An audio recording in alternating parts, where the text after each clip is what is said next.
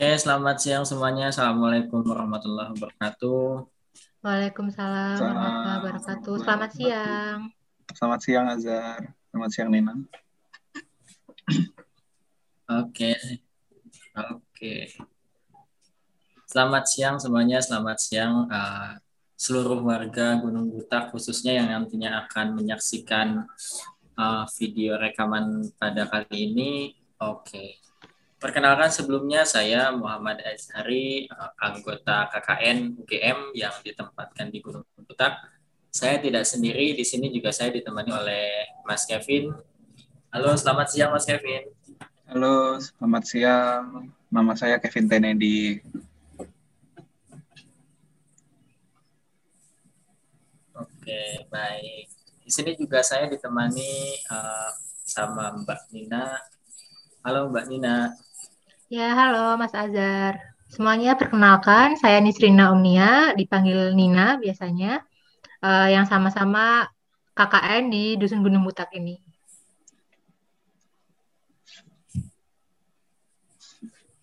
Oke, baik. Di sini kita akan sama-sama ya, Mas Kevin dan Nina akan bincang-bincang terkait akan bincang-bincang santai uh, apa aja sih yang perlu kita ketahui tentang vaksinasi COVID-19 ini?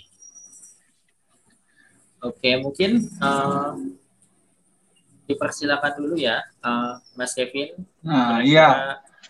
Uh, saya akan sedikit bertanya nih. Uh, sih Mas, vaksinasi itu apa sih? Nah, Ya, jadi yang pertama vaksinasi itu sebenarnya sudah ada dari sejak lama ya, dari sejak sebelum zamannya COVID mungkin juga sudah uh, lama sebelum itu sudah ada di awal abad ke-20 itu sudah uh, pertama kali ada sekitar sudah hampir 100 tahun yang lalu. Nah, mungkin karena COVID ini ya jadi semakin banyak orang ya kita bersyukurnya semakin banyak orang bisa lebih uh, lebih terpapar sama yang namanya vaksinasi. Nah, tapi mungkin uh, mulai dari definisi apa itu vaksinasi. Nah, jadi vaksinasi adalah sebuah metode yang sifatnya sederhana, aman, dan efektif untuk melindungi Anda dari penyakit yang berbahaya sebelum Anda terpapar. Nah, sebetulnya kebanyakan vaksin itu diberikan melalui suntikan ya. Namun ada juga beberapa yang diberikan uh, secara oral melalui mulut, uh, ada juga yang disemprotkan ke hidung. Namun di Indonesia pada umumnya uh, untuk vaksinasi COVID ini melalui setikan. Seperti itu.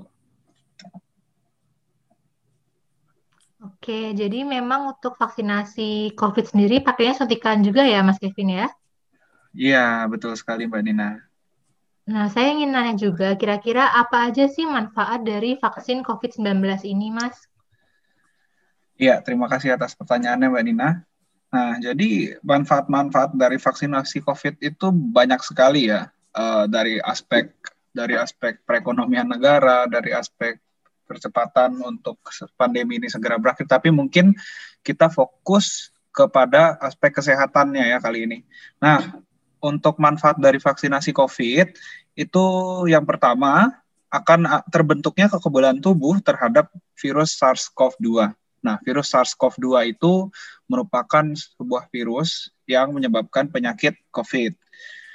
Nah, nanti akan terjadi penurunan resiko pengembangan penyakit dan juga konsekuensinya dan juga membantu Anda melawan virus jika Anda terpapar. Nah, itu fungsinya kekebalan tubuh. Nah, itu yang pertama. Nah, yang kedua, Anda juga akan dapat melindungi orang-orang di sekitar Anda. Nah, jadi jika Anda terlindung dari infeksi penyakit, infe eh, kemudian nanti pasti juga Anda akan cenderung untuk tidak menulari orang lain. Nah, kemudian yang terakhir, yang ketiga, itu adalah penting untuk melindungi orang yang berisiko tinggi, ter untuk ter ya, terutama mereka yang terkena penyakit parah akibat COVID-19. Nah, contoh-contohnya dari orang-orang yang rentan Eh, dari orang-orang yang rentan itu adalah orang-orang yang lansia, kemudian orang-orang uh, yang mempunyai kondisi medis lainnya. Ya, mungkin seperti itu Mbak Nina.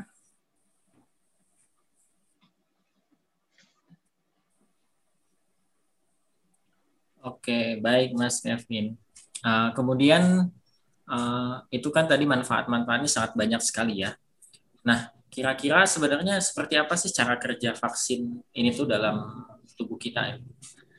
Ya, nah cara kerja vaksin itu sebenarnya penting ya untuk kita ketahui, nggak hanya untuk orang-orang kalangan medis, tapi juga orang awam. Nah, jadi kita akan sederhanakan ya dalam tiga tahapan yang paling utama. Nah, yang pertama adalah ketika Anda mendapatkan vaksin, sistem kekebalan Anda akan merespon dengan cara mengenali kuman yang menyerang. Nah, kuman itu maksudnya seperti virus maupun bakteri. Nah, kemudian tahapan yang kedua adalah nantinya akan tubuh Anda akan menghasilkan antibodi. Antibodi itu apa sih? Nah, antibodi itu adalah protein yang diproduksi secara alami oleh sistem kekebalan tubuh untuk melawan penyakit. Nah, nanti setelah ada antibodi itu, kita masuk ke tahapan yang ketiga. Tahapan yang ketiga adalah nanti tubuh Anda akan mengingat penyakit dan juga cara melawannya. Jadi jika kemudian hari Anda terpapar, di, maka sistem kekebalan Anda akan dengan cepat menghancurkannya sebelum Anda menjadi tidak sehat. Ya, kira-kira seperti itu, Mas Azhar.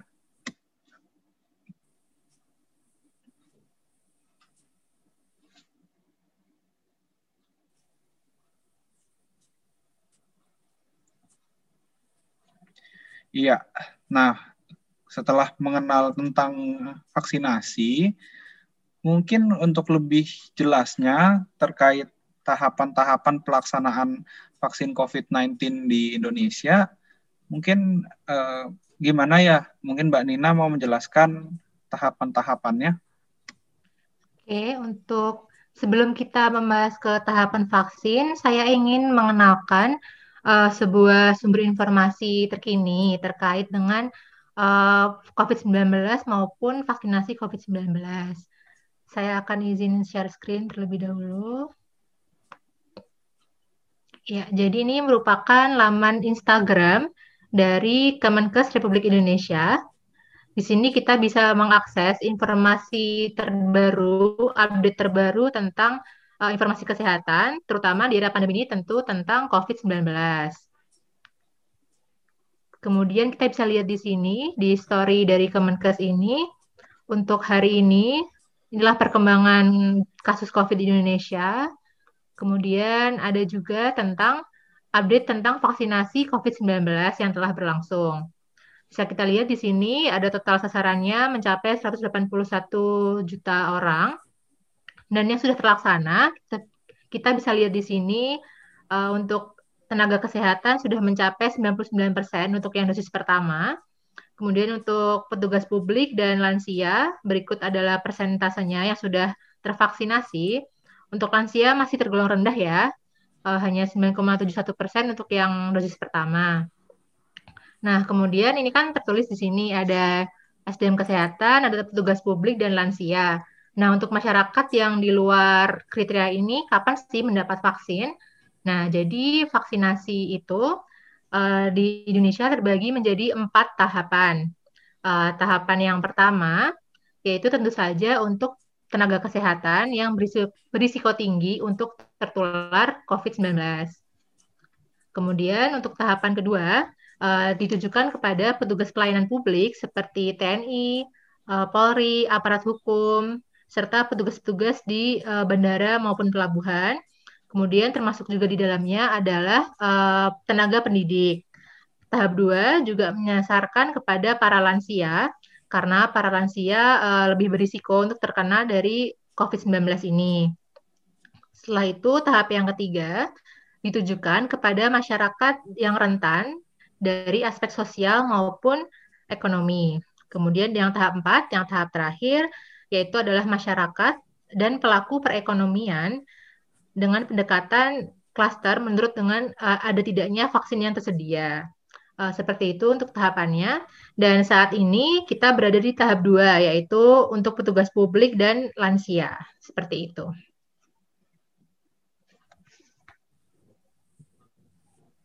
Oke, okay. baik. Uh, terima kasih Mbak Nina. Tadi tahapan-tahapannya seperti itu ya. Memang yang tahap pertama itu memang dikhususkan untuk tenaga kesehatan yang menjadi garda terdepan untuk melawan COVID ini. Ya, benar sekali. Oke, kemudian Mbak Nina kira-kira eh,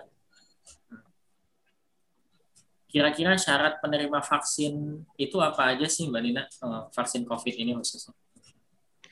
Untuk syarat penerima vaksin memang ada beberapa poin yang perlu diperhatikan. Agar lebih mudahnya mungkin saya share screen lagi ya untuk daftarnya. Uh, sebentar. Oke, okay. uh, eh, jadi ini adalah beberapa syarat untuk penerima vaksin COVID-19. Uh, eh, jadi yang poin pertama, jika sudah pernah terkena COVID-19, maka dia minimal itu sudah sembuh selama lebih dari tiga bulan, baru boleh menerima vaksin. Kemudian vaksin ini dapat diberikan kepada mereka yang berusia 18 hingga 59 tahun maupun untuk lansia, yaitu yang berusia lebih dari 60 tahun. Uh, untuk anak-anak belum diperkenankan untuk diberikan vaksin COVID-19. Kemudian terkait dengan uh, syarat untuk tekanan darahnya, yaitu harus kurang dari 180 per 110. Kemudian untuk ibu hamil, uh, vaksinasi COVID memang harus ditunda uh, hingga melahirkan. Untuk ibu menyusui uh, aman untuk menerima vaksin ini. Lalu bagi pengidap penyakit epilepsi atau kejang, asalkan dalam keadaan terkontrol, dia boleh menerima vaksinasi. Sedangkan untuk pengidap HIV/AIDS yang minum obat secara teratur, uh, maupun penderita TBC yang sudah menjalani pengobatan lebih dari dua minggu diperbolehkan untuk menerima vaksin ini. Lalu apabila uh, Anda uh, menerima vaksinasi lain selain COVID, misalkan habis menerima vaksin hepatitis B, maka jaraknya itu minimal satu bulan baru boleh menerima vaksin COVID-19 ini. Lalu ada poin-poin tambahan lagi. Uh, jadi untuk pengidap penyakit kronik uh, yaitu penyakitnya sudah lama berlangsung seperti uh, PPOK, asma, ataupun penyakit jantung dan ginjal serta penyakit hati, maka uh, harus dalam kondisi yang terkendali atau tidak sedang dalam serangan untuk boleh menerima vaksin COVID-19 ini. Lalu bagi mereka yang memiliki riwayat alergi berat, misalkan alerginya seperti sesak nafas, bengkak atau kemerahan di seluruh tubuh, uh, maka vaksinasinya disarankan untuk dilakukan di rumah sakit. Kemudian bagi para penerima terapi kanker atau produk darah lainnya atau misalkan transfusi darah, serta bagi mereka dengan gangguan imun serta gangguan pembekuan darah, maka wajib membawa surat keterangan dari dokter kalau mereka boleh divaksinasi. Begitu untuk syarat-syaratnya memang ada beberapa banyak poinnya yang perlu diperhatikan apakah kita bisa menerima atau tidak seperti itu. Oh, jadi begitu ya Mbak Nina ya. Ternyata uh, cukup banyak syarat-syarat untuk divaksinasi. Nah, kemudian kalau misalnya kita bicara tentang orang-orang yang sudah lanjut usia, mungkin kan mereka sedikit lebih rentan ya. Nah, kira-kira ada nggak ya syarat-syarat tambahan selain daripada yang sudah dijelaskan tadi? Oke, jadi untuk lansia memang benar sekali Mas Kevin mereka lebih rawan ya terkena virus ini.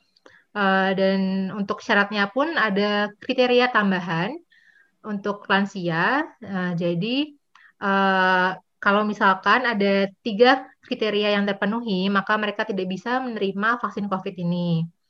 Jadi kriteria yang pertama yaitu mengalami kesulitan saat naik 10 tangga.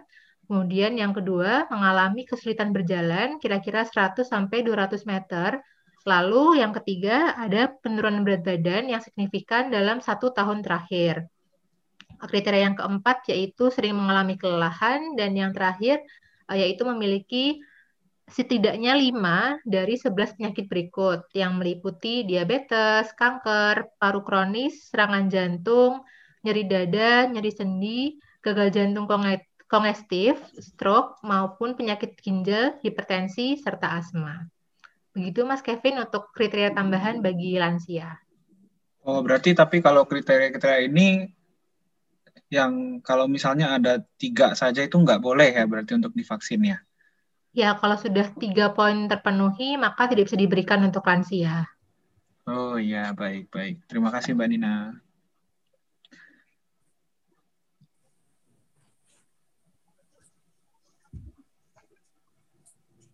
Oke, baik. Uh, selanjutnya, tadi kan sudah dijelaskan nih Mbak Dina untuk uh, apa uh, syarat penerima vaksin COVID dan juga kriteria tambahan untuk uh, lansia itu seperti apa. Nah, kira-kira um, alur pelayanan vaksinasi itu seperti apa sih Mbak Nina? Maksudnya tahapan-tahapannya dari awal sampai akhir sampai kita bisa mendapatkan vaksin. Oke, tahapan awal tentu kita harus melalui dari pendaftaran dulu ya. Uh, jadi untuk saat ini di Indonesia kita menggunakan uh, sebuah aplikasi atau web namanya Peduli Lindungi. Uh, jadi sebentar saya izin mau share screen. Ya, jadi ada website ini namanya Peduli Lindungi. Jadi nanti uh, mendaftar terlebih dahulu, uh, lalu kita bisa cek uh, dengan cara menuliskan nama lengkap, kemudian memasukkan NIK, lalu kita bisa cek apakah uh, sudah terdaftar atau belum. Kemudian apabila ternyata sudah terdaftar, dapat melakukan vaksinasi, uh, maka kita bisa menuju ke tempat pelayanan vaksinasi sesuai tanggal yang ditentukan. Lalu untuk pelayanan vaksinasi sendiri urutannya bagaimana? Uh, sebentar akan saya share screen. Nah, ini adalah alur pelayanan vaksinasinya. Jadi nanti peserta datang ke tempat pelayanan vaksinasi, lalu mereka akan menuju ke meja yang pertama, yaitu meja pendaftaran. Nah, di sini peserta perlu menunjukkan KTP atau dokumen yang berisi NIK. Nanti petugasnya akan mencocokkan NIK tersebut dengan data yang telah terdaftar. Lalu ternyata apabila ternyata datanya tidak sesuai, maka akan diperlukan melakukan perubahan data. Kemudian setelah beres di registrasi ini, maka lanjut ke meja berikutnya, yaitu meja screening. Nah, di meja ini nanti petugas akan mewawancarai peserta tentang riwayat kesehatannya untuk mengidentifikasi kondisi penyerta. Yang dimaksud dengan kondisi penyerta ini adalah yang telah disebutkan di tadi syarat-syarat vaksin. Jadi misalkan penderitanya punya penyakit asma, maka ditanyakan nanti apakah asmanya terkontrol atau tidak, apakah sedang kambuh asmanya atau tidak, seperti itu. Kemudian setelah nanti ditanyakan tentang riwayat kesehatannya, maka akan dilanjutkan dengan pemeriksaan fisik itu meliputi pengukuran suhu tubuh, lalu tekanan darah. Tadi ingat syaratnya yaitu di bawah 180 per 110, lalu pengukuran denyut nadi, serta saturasi oksigen. Kemudian setelah itu nanti petugas akan melakukan assessment apakah peserta ini boleh menerima vaksin atau tidak.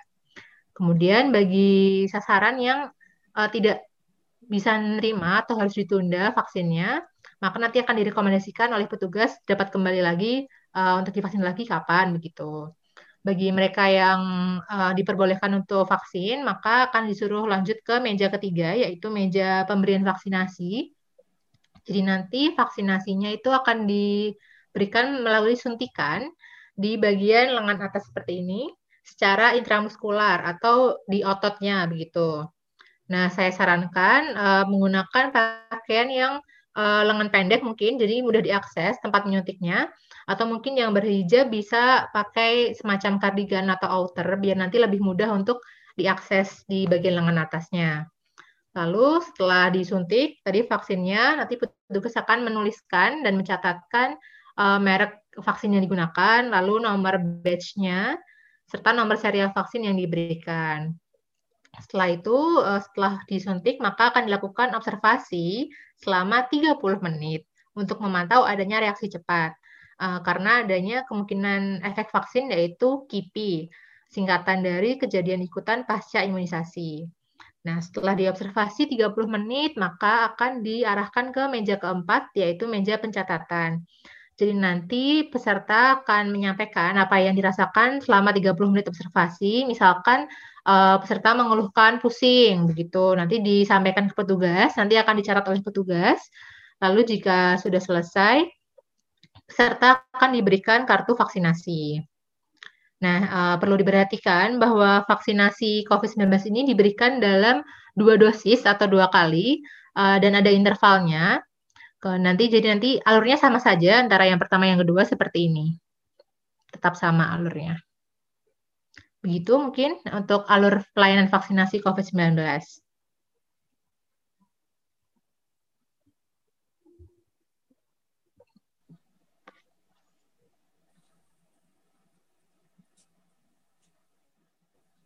Oke, baik. Terima kasih Mbak eh, Nina atas penjelasannya. Berarti memang uh, tadi ada beberapa meja juga ya Mbak Nina. Jadi uh, tahapan-tahapannya memang sangat ketat, dimulai dari pencatatan uh, uh, seperti NIK, KTP, terus juga nanti dicek kembali uh, tekanan darahnya bagus atau enggak, kemudian ada riwayat penyakit lain atau enggak yang itu bisa menyebabkan kita nggak bisa nggak bisa mendapatkan vaksinasi COVID. Oke, okay.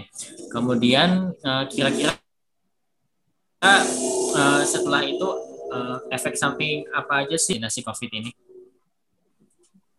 Iya, ya, saya izin menjawab ya. Nah, untuk efek samping dari vaksin COVID-19 ini, secara umum kita bagi dari berdasarkan derajat keparahannya ya untuk yang berat dan kemudian ada juga ya, ada yang ringan. Nah, kemudian kita bagi lagi, ada yang lokal, ada yang sistemik. Nah, mari kita mulai dari yang sistemik terlebih dahulu. Nah, sistemik ini maksudnya adalah yang sifatnya itu lebih uh, menyeluruh ya, uh, sifatnya lebih menyeluruh, tidak terlokalisir. Nah, yang pertama itu adalah demam. Nah, kemudian adanya nyeri otot atau sendi, kemudian bisa juga uh, badan serasa terasa lemah, kemudian juga bisa juga dikeluhkan sakit kepala. Nah, kemudian untuk reaksi lokal, biasanya itu lokasinya di sekitar tempat kita disuntik ya. Nah, itu yang pertama bisa adanya kemerahan pada tempat suntikan, kemudian bisa juga ada nyeri pada tempat suntikan, dan bisa juga uh, ada beberapa orang bengkak pada tempat suntikan. Nah, itu untuk reaksi yang ringan, dan sekarang untuk reaksi yang berat, lebih cenderung jarang ya, jarang terjadi karena sudah uh, vaksinasi ini sebelum diberikan ke masyarakat sudah dipastikan keamanannya. Nah, uh, untuk uh, reaksi yang berat ini nih biasanya adanya alergi, alergi yang berat, maka dari itu penting sekali untuk uh, melihat bahwa kita layak vaksin atau tidak di awal sehingga tidak terjadi reaksi alergi berat. Nah, kemudian bisa juga terdapat reaksi anafilaksis yang terdiri dari penurunan kesadaran, sulit bernafas, maupun pembengkakan pada pembuluh darah. Nah, eh, tentu saja efek samping ini tidak terjadi pada semua orang dan pada setiap orang juga kalaupun ada, eh, biasanya juga bervariasi. Nah, ini semua akan didefinisikan menjadi satu yang kita sebut dengan uh, KIPI seperti yang tadi sudah disinggung oleh Mbak Nina, yaitu kejadian ikutan pasca imunisasi.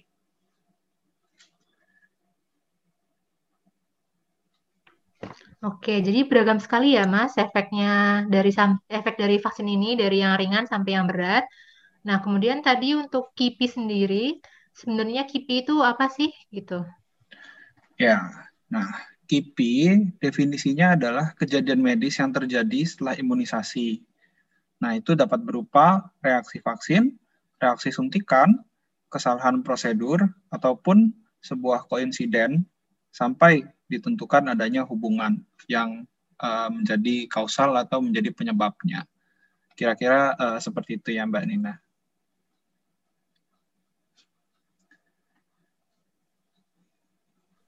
Oke, terima kasih Mas Kevin. Jadi tadi sudah disebutkan ya, yang KIPI itu dapat meliputi apa saja efek samping COVID, vaksin gitu ya Mas ya. Uh, mungkin sekarang uh, saya ingin kita membahas tentang informasi-informasi yang beredar di masyarakat, ini terutama lewat broadcast WhatsApp atau mungkin Facebook gitu ya. Uh, saya sempat menemui uh, berita yang menyatakan bahwa uh, vaksin ini mengandung bahan yang berbahaya. Nih, apakah hal itu benar?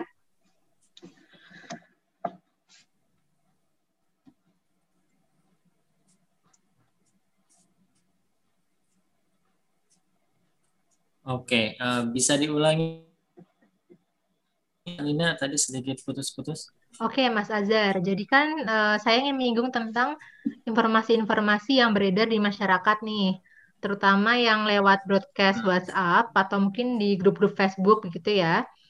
Jadi saya pernah baca salah satu berita itu menyatakan bahwa vaksin itu mengandung bahan yang berbahaya. Ini apakah hal ini benar, Mas?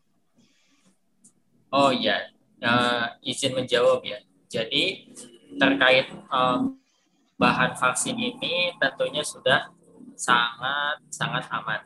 Jadi dipilih dan juga bahan-bahannya itu bukan bahan-bahan yang memang membahayakan tubuh. Memang salah satu bahan yang ada di dalam vaksin itu adalah bagian-bagian potongan dari virus COVID itu sendiri. Namun bagian-bagian itu juga sudah dilemahkan dan tentunya sudah diketahui tidak akan menimbulkan efek ke dalam tubuh. Sehingga sebenarnya uh, apabila dikatakan ada kandungan bahan yang berbahaya di dalam vaksin itu adalah mitos. Oke, terima kasih Mas Azari. Berarti vaksin ini aman ya, mengandung bahan-bahan yang aman begitu ya Mas ya?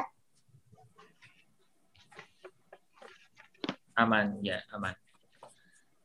Nah, kemudian saya mau nanya nih, um, kalau vaksin itu ada yang bilang mengandung sel dari janin yang sudah diaborsi. Nah itu kira-kira betul nggak ya? Oke, uh, baik Mas Kevin. Jadi uh, seperti yang sudah saya sebutkan tadi, memang uh, vaksin COVID ini bahannya merupakan bahan-bahan yang sudah uh, terstandarisasi, bahan-bahannya sudah juga sudah diteliti dan tentunya aman buat tubuh kita.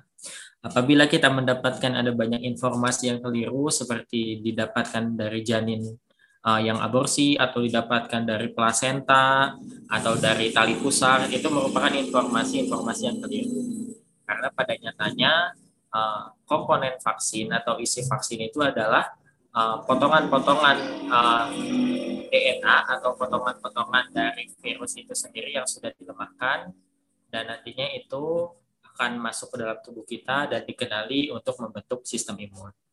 Seperti itu.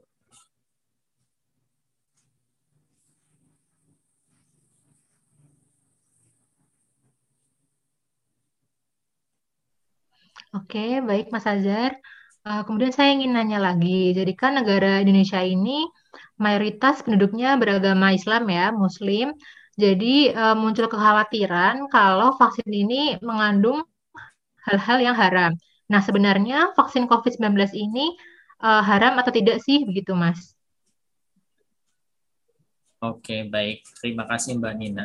Jadi untuk vaksin COVID sendiri, teruntuk vaksin Sinovac yang dari China itu merupakan vaksin yang sudah disahkan oleh MUI itu merupakan vaksin yang halal dan suci.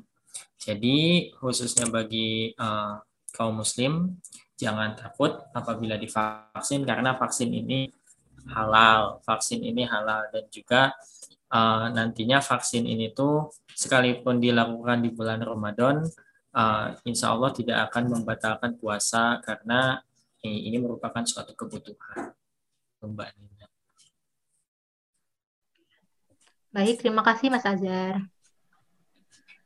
Nah, uh, kemudian untuk ini juga nih, sepertinya sempat sempat dibicarakan juga ya di beberapa uh, ini di beberapa desas-desus. Nah, katanya tuh di diselipin semacam alat pelacak ya kalau misalnya kita tuh divaksin. Nah, tapi kan saya juga kurang ngerti. Kira-kira ini benar gak ya? Oke, terima kasih Mas Kevin. Jadi uh, di awal-awal terbentuknya vaksin itu sangat uh, banyak sekali desas-desus tentang uh, vaksin COVID ini isinya ada chip yang nantinya bisa mengetahui kita ada posisinya di mana atau bisa mengintai kita. Nah, uh, itu merupakan hal yang keliru dan itu masuknya mitos karena uh, sejauh ini pun dunia kedokteran itu belum bisa untuk menciptakan yang namanya microchip dan itu bisa mengintai manusia gitu. Jadi di dalam uh, komponen vaksin itu tidak ada, tidak ada chipnya, tidak ada yang bisa melacak orangnya gitu.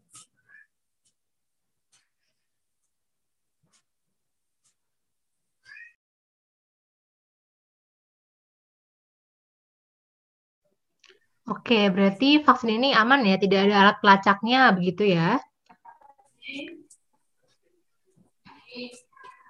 Aman, ya aman. Tidak ada alat pelacak. Oke, ini saya ada pertanyaan terakhir nih, dan saya yakin banyak orang Oke, juga yang uh, penasaran. Uh, Kalau misalkan kita udah divaksin COVID-19 ini, apakah kita pasti tidak akan mungkin tertular virus COVID-19? Gitu, Mas. Gimana, Mas? Oke, baik. Oke, oke baik. Terima kasih, Mbak Nina. Uh, ini pertanyaan yang banyak sering ya. Kenapa sih ada banyak orang yang setelah divaksin katanya kok tetap kena corona gitu. Nah, jadi gini, vaksin itu tidak melindungi 100% untuk uh, tidak terkena COVID. Gitu. Kenapa? Karena uh, jika kita lihat uji coba vaksin itu sangat singkat gitu, dan sifatnya darurat. Sehingga ada kemungkinan pada saat uh, penerimaannya kepada setiap individu itu berbeda. Jadi reaksinya berbeda. Ada yang mungkin cuma membentuk kekebalan 50% ada. Sehingga apa? Sehingga ketika pada orang-orang yang dia tidak bisa membentuk uh, antibodi sekalipun sudah divaksin dua kali dan dia tidak bisa membentuk antibodi secara maksimal, maka dia tetap punya risiko untuk terkena uh, virus corona seperti itu. Jadi memang uh, uh, vaksinasi ini merupakan suatu usaha bagi kita untuk uh, pencegahan terhadap uh, virus corona. Namun kita tidak bisa pungkiri bahwasannya memang tetap bisa terkena virus corona. Sehingga yang paling penting bagi kita semua kesehatan dengan 5M. Mencuci tangan, menggunakan masker, menghindari kerumunan, kemudian mengurangi mobilisasi, dan juga menjaga jarak. Selain itu, dengan kita mematuhi protokol kesehatan, sekarang juga pemerintah sudah menyediakan vaksin yang ada dan percayalah bahwa vaksin itu sangat-sangat aman sehingga jangan takut pada seluruh uh, warga khususnya di Gunung Putak untuk uh, bisa vaksinasi COVID.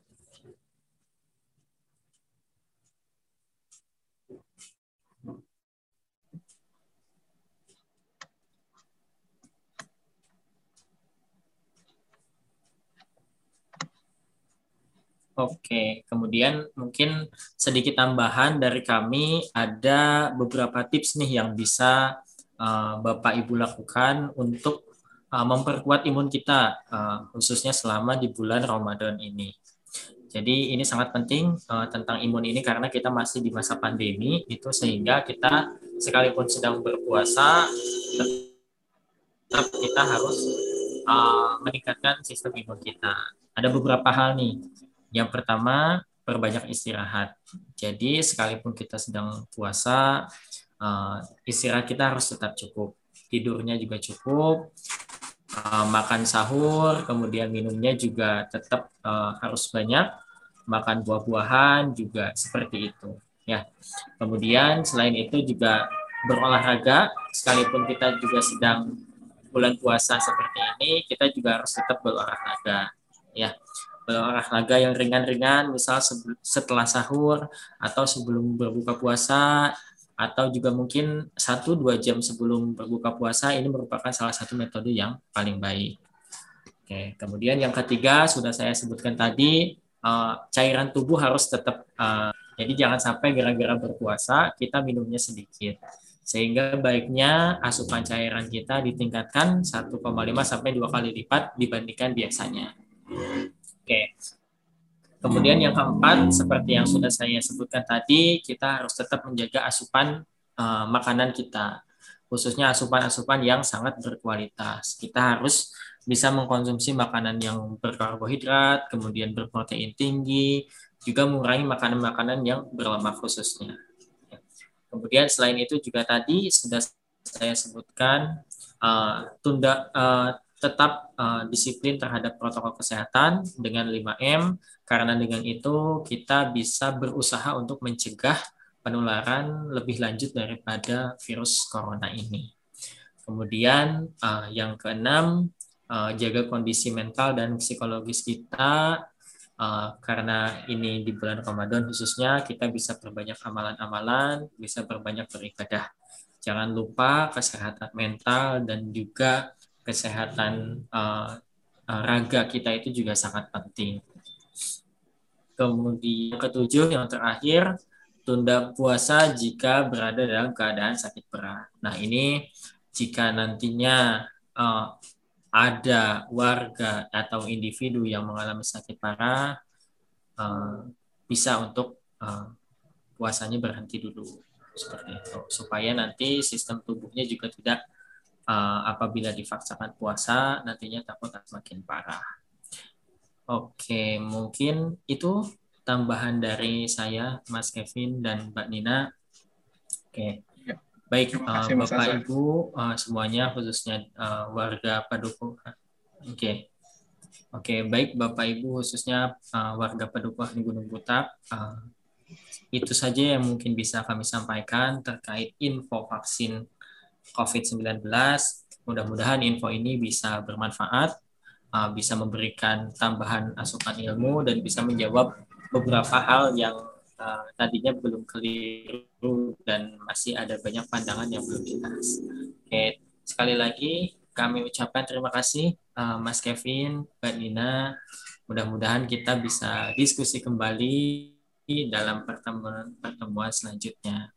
Dan jaga selalu, sekalipun sedang puasa, tetap uh, dalam kondisi yang prima dan juga dalam siap siaga terus. Sehat-sehat terus semuanya Mas Kevin, Mbak Nina. Ya, sehat-sehat juga Mas Azari, Mbak Nina. Ya, Mas Azari, sama-sama ya.